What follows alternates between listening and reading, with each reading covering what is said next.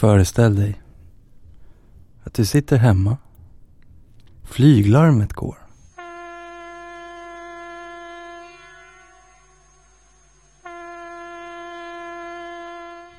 Oj. Mm.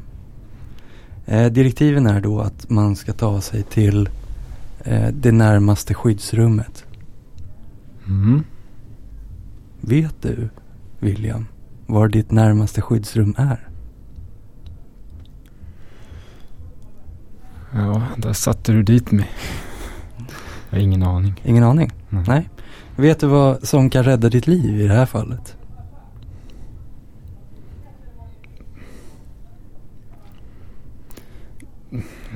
Nej, vad är du ute efter? Geografiska informationssystem. Ja, GIS. ja. Eh, Myndigheten för samhällsskydd och beredskap har ju då en eh, interaktiv skyddsrumskarta. Mhm. Det hade ju varit perfekt i det här fallet. Mm. Om internet och el och allt det där fortfarande fungerar. Ja. Det vill säga. Om man har lite tid på sig. Exakt. Man hör flyg. Man hör flyglarmet och bara, ah, vänta, jag måste bara gå in på MSKs Så datorn bara, fan wifi funkar inte.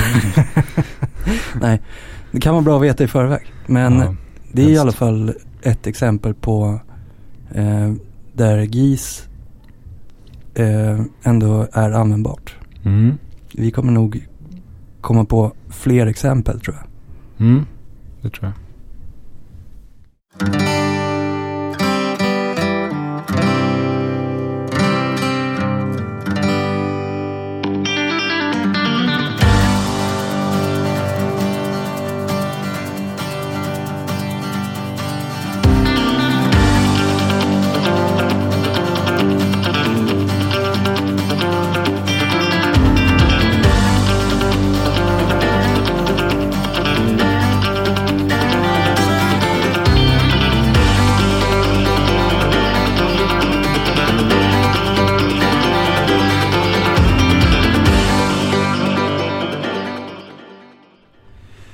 Idag när vi spelar in det här så är det inte internationella GIS-dagen.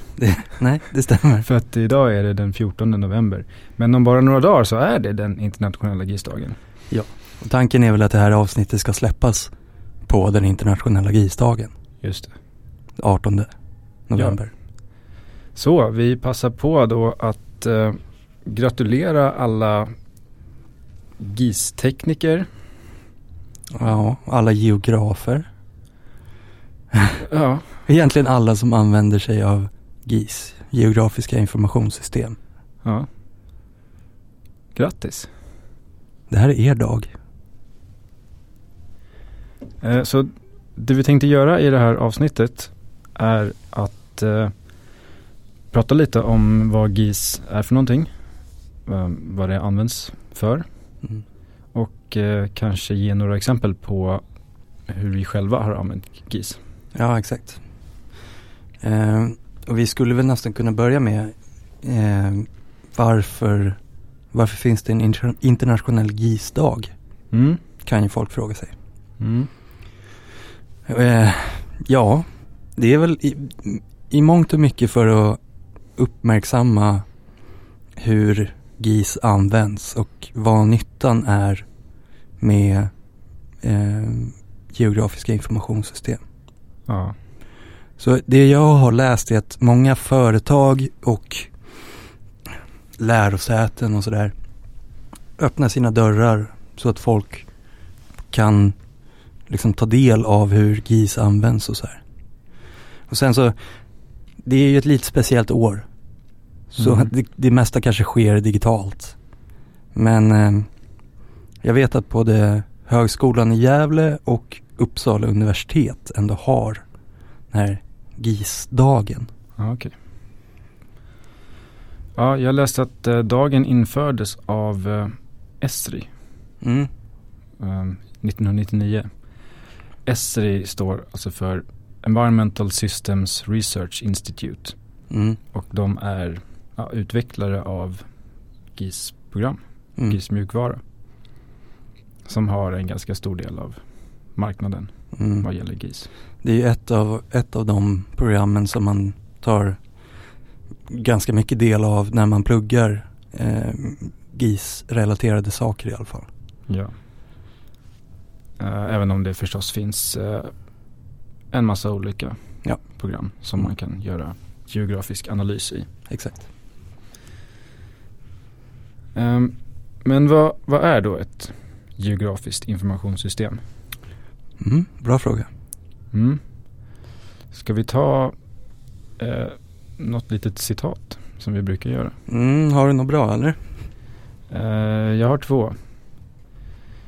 Och eh, ja, det här är ju det är ju välkända källor här Mm. som Är det... gäller. Vi börjar med Wikipedia. Eh, Ett geografiskt informationssystem är ett datorbaserat system för att samla in, lagra, analysera och presentera geografiska data. Mm. Och eh, vi kan ta från National Geographic också. Ja. Bara för att lika det är väldigt likt. Men på engelska. Mm. A GIS is a computer system for capturing, storing, checking and displaying data related to positions on Earth's surface. Mm.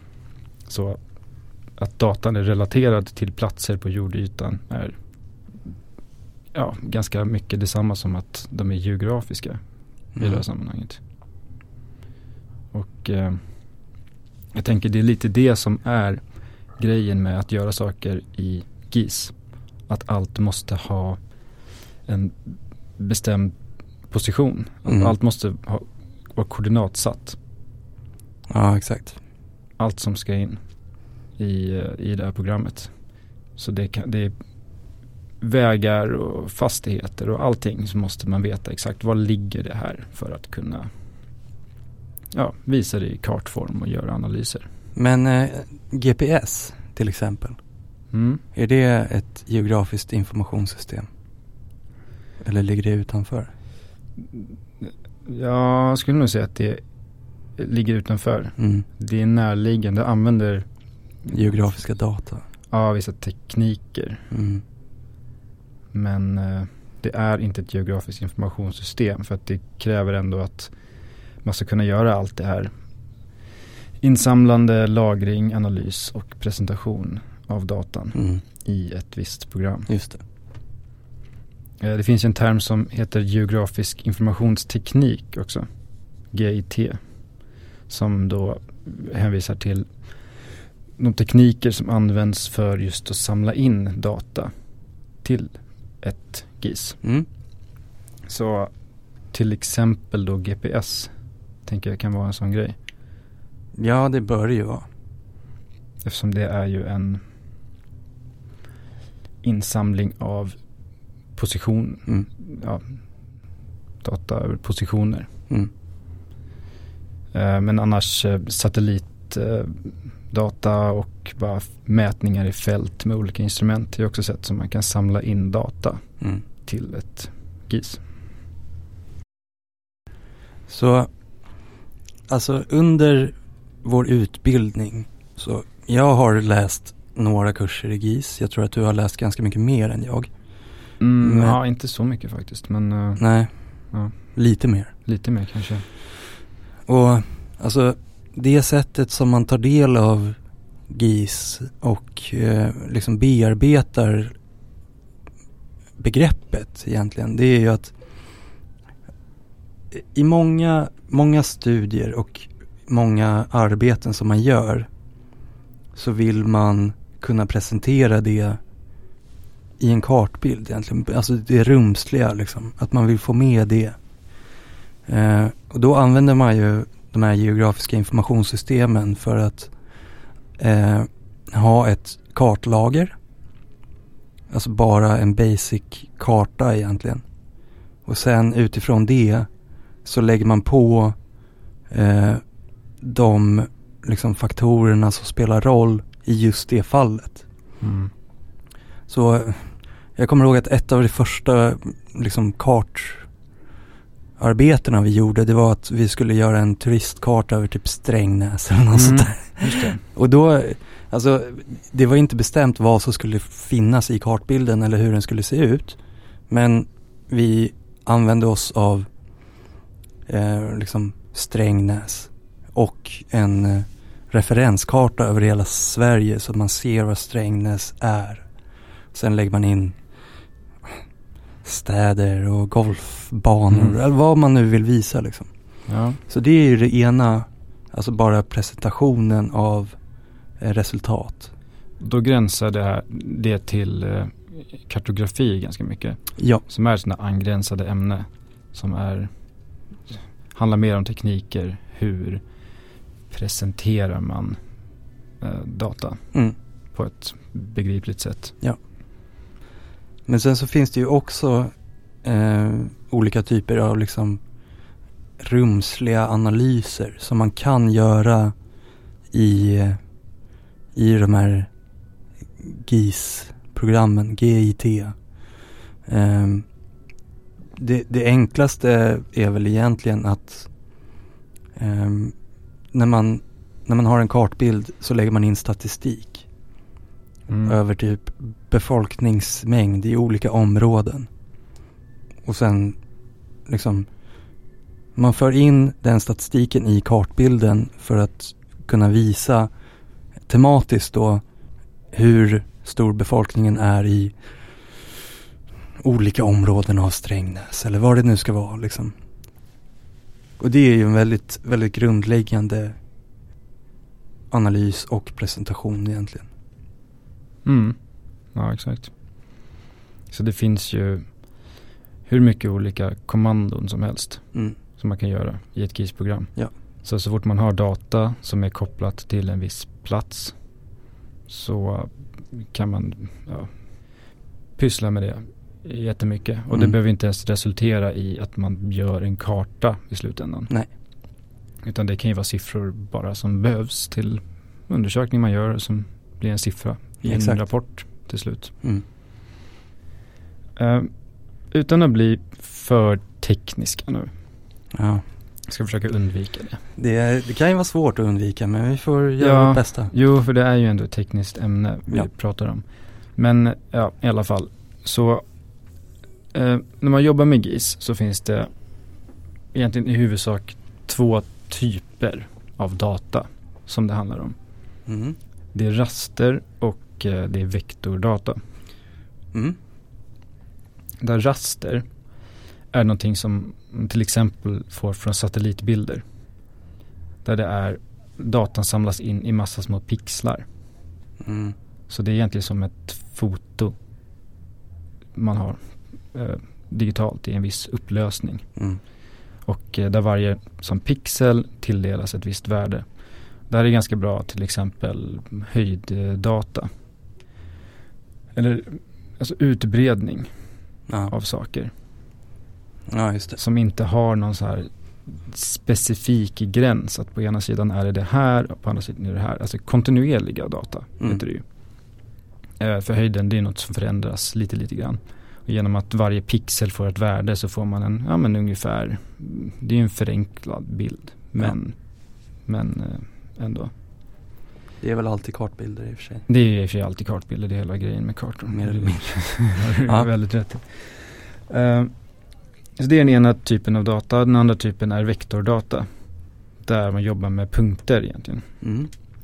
Och där en punkt kan vara bara en punkt som symboliserar en stad till exempel på en karta. Eller för den delen en, någonting mycket mindre, en lyktstolpe, jag vet inte. Mm. Kan vara vad som helst beroende på vilken skala man jobbar på. Ett flyttblock från istiden. Flyttblock från istiden, Kanske. varför inte?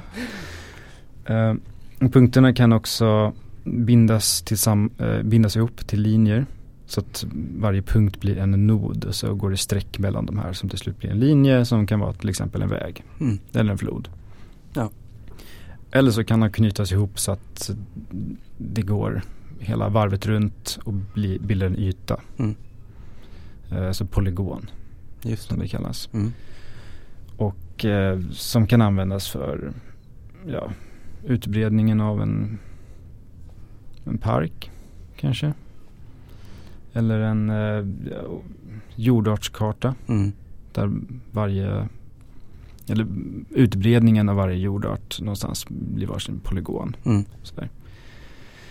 Så det är de typerna av data som går att jobba med och de har ganska olika användningsområden. Eh, vi kan ta två historiska exempel på någonting som inte riktigt är GIS men som är den typen av, det, typen av tänk som lite relaterar till de här två datatyperna. Mm. En väldigt eh, tidig grej är eh, en eh, geografisk analys som gjordes av en man som hette Jon Snow. Mm. Det här är då inte Game of Thrones Jon Snow, Nej. bara så jag undviker förvirring. Mm. Utan det är John med H i namnet. Ja, just det. Det är bra. Eh, ja, han undersökte i alla fall ett uh, kolerautbrott i London år 1854. Där han karterade alla kända sjukdomsfall eh, och eh, märkte ut dem på en karta och märkte ut var de hade hämtat vatten. Och så kunde han genom att analysera den här kartan hitta en specifik vattenpump i staden. Som då ja, kunde dra slutsatsen att den här var förorenad Mm. orsakade själva sjukdomen. Eh, så det här jobbade han då med punkter. Så någon slags enkel vektordata Mm. Kan vi säga. Ett annat exempel som var ungefär samtidigt eh, är när den svenska staten skulle kartera befolkningstätheten i hela riket. När man skulle anlägga stambanenätet, alltså huvudsakliga järnvägsnätet Mm. i Sverige. Och eh, då gjorde man ett rutnät av Sverige. Och eh, man la, gjorde, la som ett rutnät med då en eh, bredd och en höjd varje ruta på en svensk mil. Som, ja, man hade ett annat system på den tiden Aha. tydligen. Eh, det här visste inte jag. Men eh, som en mil på den tiden var 10 700 meter baserat på fotsystemet. Aha. Så, Okej. ja, så gjorde man om det ja, några decennier senare så att det blev dagens Mm. system. Eh, I alla fall så kollar man hur, mycket, hur många bor i varje sån här ruta. Och det här blir då ett, eh, eftersom det blir pixlar de här rutorna. Precis. Så det här kan vi kalla för ett tidigt raster, Mm. tidig rasterbild. Ja, för att kunna se då var, var är det tätt befolkat och var behövs järnvägen Mm. bäst till exempel. Mm. Men eh, det första, eh, om vi går vidare lite i historien, det första systemet som de facto kallades för ett GIS kom i Kanada 1962. Eh, hos den federala institutionen för skogsbruk och landskapsutveckling i Ottawa. Ja, det kommer jag ihåg. Mm. Mm. okej. Det skapades i samband med att man eh, inventerade markanvändningen Mm. på landsbygden. Okej, men ska vi försöka luska lite mer i vad eh, GIS används till idag då? Absolut.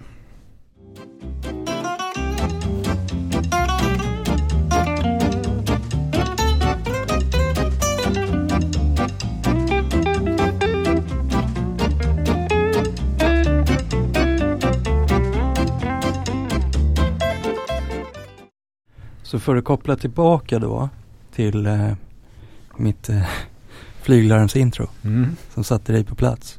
Ja, han gjorde det verkligen.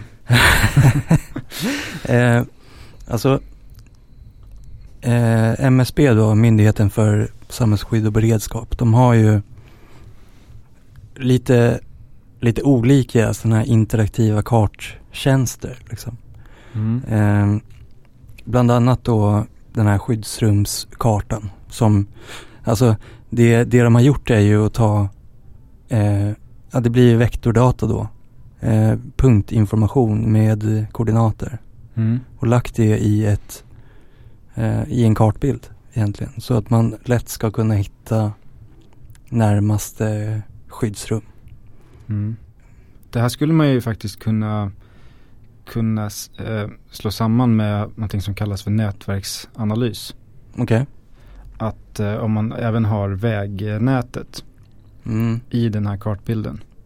Så att man kan trycka okej, här är jag. Även har någon slags eh, GPS-funktion. Mm. Så att kartan kan se här är du. Eh, och så kan man trycka hur tar jag mig snabbast från min plats till skyddsrummet. Ja, det är ju sant i och för sig. Det, är också en typisk GIS-analys. Ja, det, det vore ju intressant. Jag tror inte att det jag ska inte svära på det, men jag har för mig att det inte är en del av den här eh, skyddsrumskartan. Nej, nej, jag gissar det också, men det skulle, det skulle kunna, vara. kunna göras. Mm. Eh, så jag menar, alltså för det är ju inte bara MSB då som har den här typen av interaktiva kartor. Eh, utan väldigt många andra eh, myndigheter också som eh, Trafikverket till exempel. Som har väldigt mycket, kanske inte jättekonstigt med tanke på att de har hand om trafik. Mm. Men även eh, Havs och vattenmyndigheten, eh, SCB, mm. Statistiska centralbyrån har jag för mig har eh, kartmaterial och så här. Mm, okay. Men också alla kommuner. Eh, jag var inne på min hemkommun och kollade på deras eh, GIS och kartavdelning. Eh, faktiskt ganska bra. Mm. Om, man, om man vill veta typ så här vandringsleder och, och sånt där. Mm. Ändå en fungerande liksom interaktiv karttjänst. Och det blir ju så här, vad, vad är, var ska man dra gränsen för vad GIS är? Mm. Blir en intressant fråga i, i de här fallen. För att antagligen så är det ju så att de myndigheter som använder eller som har de här kart, interaktiva kartorna, de har gjort eh, GIS-analyser och använt eh, GIS så som det vi har förklarat. Ja, de jobbar ju säkert då i fullskaliga GIS-program. Exakt. Men de, eh, eh, de produkter då som, som vi tar del av, är, är det GIS också? Mm. För, för att vi tar ju inte del av systemen, de geografiska informationssystemen, utan vi tar ju del av eh, produkten av ett GIS-jobb egentligen. Ja, exakt. Vi kan inte gå in där och göra komplexa analyser Nej. direkt av det som finns där. Nej. Så även om man inte, när man använder en interaktiv karta, eh, använder GIS direkt så, så använder man ändå någonting som har skapats utifrån GIS. Mm. Eh, så GIS, det är liksom en del av, av, av vardagen ändå. Ja, det här kan ju gälla även Google Maps. Exakt. Earth. Mm. Som är ställen där GIS-tekniken möter vardagliga användare. Mm. Exakt.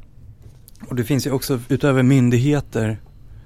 Eh, jag har ju nämnt i, eh, jag tror att det var förra avsnittet, Early Warning Systems. Mm. Eh, som ofta i alla fall utgår ifrån eh, eh, geografiska data.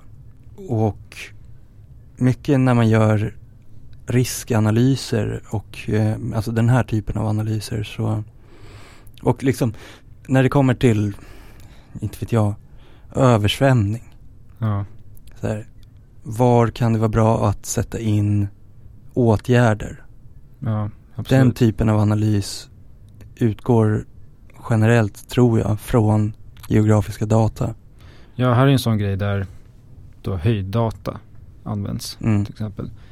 För att se då i ett form av ett raster. Se vilka pixlar, var är höjden så pass låg att så här mycket regn skulle göra att det blir översvämmat. Exakt, Enkelt. och då i, i kombination med nederbördsdata liksom eh, på olika nivåer. Mm. Så man brukar prata om 100-årsflöden Ja, och just det. 50-årsflöden och så här. Och det är då eh, maxnivån av vattnet på, på, det, på den tids... Ja, vad som, ja, liksom. vad som kan förväntas vara det då värsta som händer. Varje, var hundrade år. Ja. Till exempel. Så, så det, finns, det finns många exempel av där vi som vanliga människor drar nytta av eh, GIS. Mm. Men eh, ja, andra sådana fält då där GIS kan användas som kanske inte syns för vem som helst Nej. på det sättet. Eh, det är ju, vi har varit inne på samhällsplanering egentligen eftersom riskanalys Jo, är en del av att planera samhället. Men det är även för alltså, folk som jobbar på till exempel kommuner. Då. Eh, kan ju vara till hjäl- hjälp att hitta bästa platsen för att lägga en ny byggnad av något slag. En Mm. skola kanske eller en eh, eh, sopstation. Ja. Typ. Sjukhus. Ja. Genom ja, analyser av hur tillgängligt är det, hur många kan komma hit inom en viss tid och sådär. Hitta, okej, här. Gör det bäst nytta eller minst skada beroende på vilken, vad det är. Eh, ett annat ämne som det används ganska mycket är eh, biologin. För att eh, kartera och ha koll på utbredningen av olika arter Mm. eller ekoregioner, vad ska kalla det. Mm. Eh, och sådär. Och ett tredje som jag har sett är eh, arkeologi. Faktiskt. För att med hjälp av till exempel historiska kartor och fjärranalys se rumsliga mönster och spår och få hjälp med var, um, var det kan finnas uh, ja, historiska lämningar och Mm. var det kan vara intressant att Forna, kolla närmre. forna byar och eh, var de har avver- avverkat sina träd och eh, Mm. allt möjligt. Ja. Så där är ändå fält som inte är direkt geografi. För att frågan är ju faktiskt hur mycket GIS faktiskt används inom ren geografi. Och hur mycket GIS snarare är en geografisk produkt som Mm. används på lite andra ställen. Samhällsplanering är ganska, ganska nära, Jo. i alla fall kulturgeografi. Men arkeologi är ju inte riktigt så nära geografi. Nej. Utan eh, ja, det kan diskuteras. Men i alla fall, om vi ska avsluta med eh, några exempel på när GIS har använts inom faktiskt ändå geografiska studier. Mm. Eh, saker som vi har gjort själva Mm, exakt. helt enkelt. Vill du, vill du börja med att Mm. presentera ditt? Jag kan börja presentera mitt case. Mm. Jag gjorde då en uppsats en gång i tiden om ett fenomen som kallas Urban Heat Island. Mm.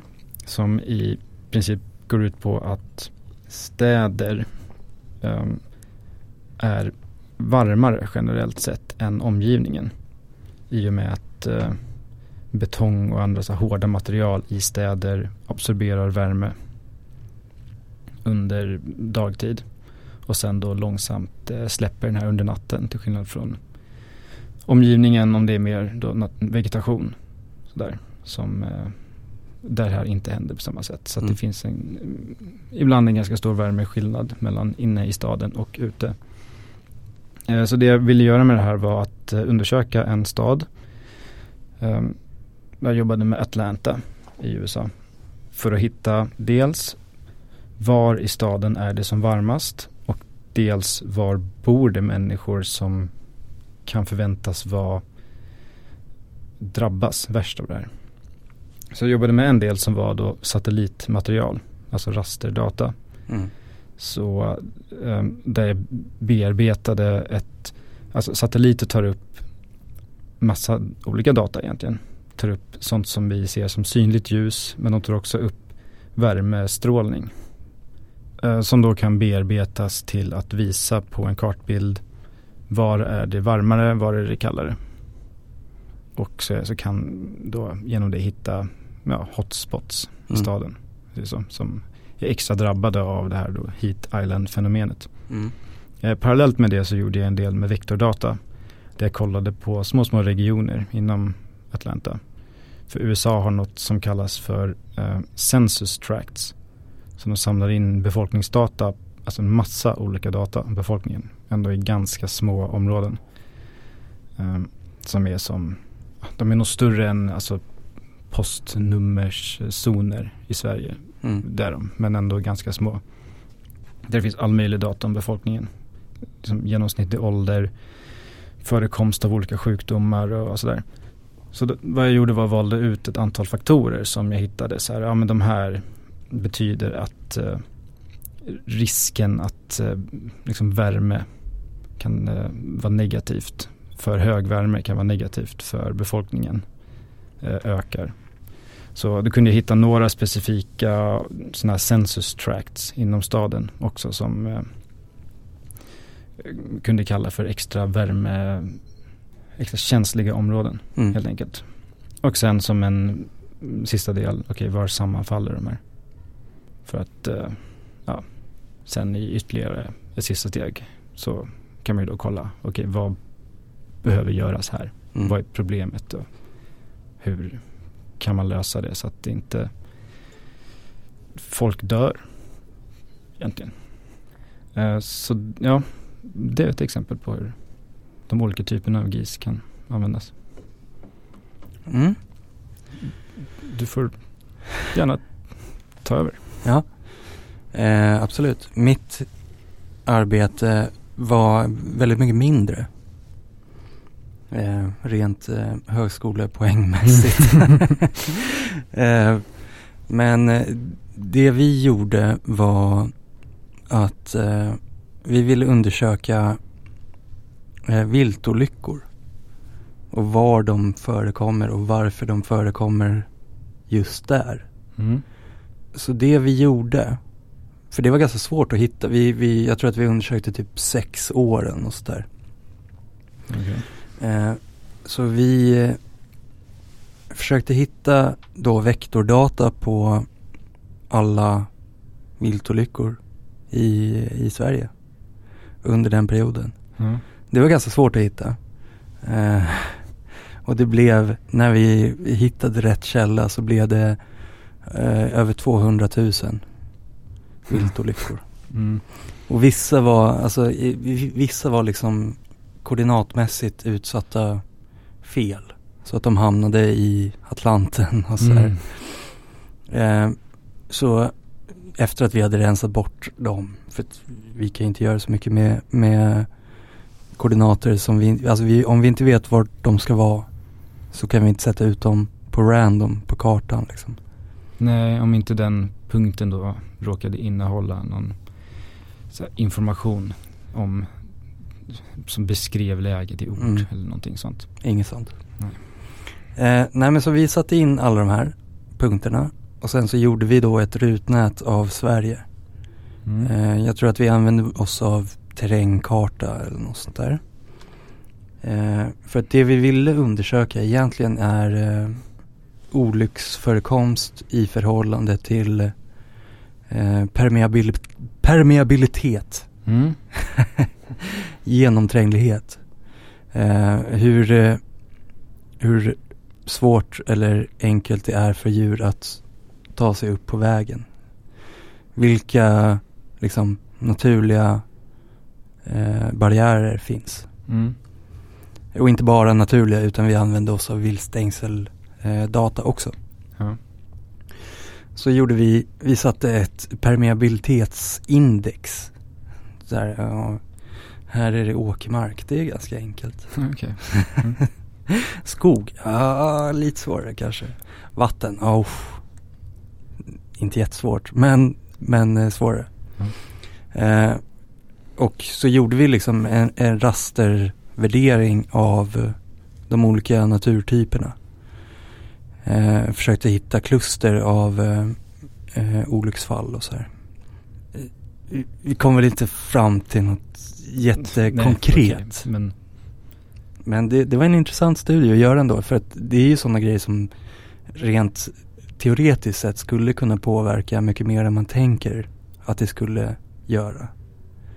Eh, och jag menar när det finns vägsträckor som har viltstängsel på ena sidan men inte på andra sidan. Så här, vad, vad är skillnaden i olycksförekomst på de vägarna jämfört Mm. med vägar som har stängsel på båda sidor? Liksom? Men det där kanske är en, ett resultat av att någon har gjort en sån där studie ungefär. Att de kom fram till, okej här på den här sidan behövs det stängsel för olyckorna. Ja, ah, det finns Sker- permeab permeabilitet på andra sidan kanske. Ja men kanske. Mm. Ja det är väl möjligt. Ja, för det här känns ju ändå som ett sånt typ av arbete som säkert kan göras. Ja. Mycket, alltså liknande sådana här Mm. väldigt, eh, väldigt samhällsnära, Mm. eh, praktiskt användbart. Exakt. Så, mm. Och då fick vi ändå data från bland annat Trafikverket. Vi, vi funderade på om vi skulle använda oss av eh, deras data över trafikflöden på olika vägar också. För att rimligtvis så är ju det en grej som påverkar mängden Mm. olyckor också. sant. Men vi hade ju begränsat med tid. Ja. Så eh, det- det är också en så här, det är väl en typ av riskanalys i och för sig. Och kan användas i liksom samhällsplaneringssyften. Om, om det kommer till var borde vi sätta viltstängsel till exempel. Mm. ja, verkligen. Men det, det var ändå ett eh, hyfsat rent geografiskt GIS-användande tycker Ja. jag. Absolut. Vi gjorde ju någonting tillsammans någon gång också. En riskkartering. Där vi satt och gjorde några index. Jag kommer inte ihåg så noga. Men, men eh, vi kollade på jordarter bland annat. Mm. Och lite andra faktorer. Ja, geomorfologiska. Ja, Vi Precis. satte, vi satte en bufferzon vid, eh, alltså vid vägar och så här. mm. De, där i den här bufferzonen så borde det ändå vara hyfsat säkert. Och sen så, det var ju bland annat eh, jag Ja. för mig. Jo, jag tror det var. Vi, vi karterade skredrisk. Mm. Mm. Och det är också, då använder man ju eh, geografisk data från kanske olika håll för att göra en enhetlig bild av eh, alltså hur läget är i just det området till exempel. Mm. Ja, det kan ju verkligen komma från helt olika håll. Det är det som är det, det alltså som gör det funkar. Att så länge allt har koordinater Mm. eh, så kan ta in data från helt olika eh, håll. håll skapade på helt olika platser i världen. Ja, sen det kanske kan vara ett avsnitt någon gång men det här med, med att det har koordinater är kanske inte riktigt så enkelt för att det är det här med projektioner och olika koordinatsystem Ja, och sådär. Man ska föra över den tredimensionella jorden till en tvådimensionell kartbild och så. Men Mm.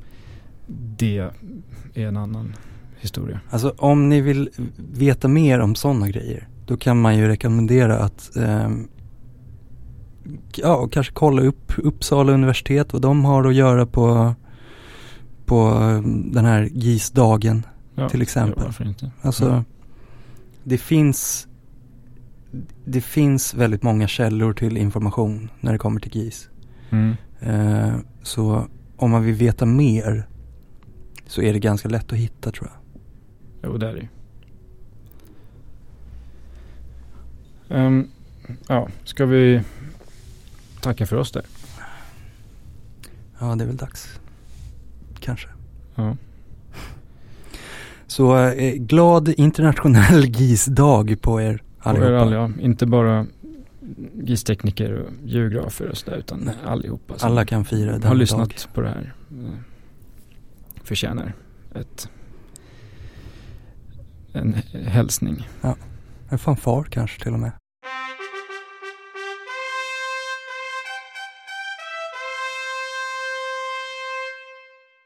Ska vi eh, säga tack för oss då? Och vi har ju inte Vi har inte sagt dels att vi är podden som Nej. sätter rummet i centrum. Nej, det har vi inte. Och sen har vi ju inte heller sagt att Till nästa gång, mm, gå inte vilse i det geografiska rummet. exakt.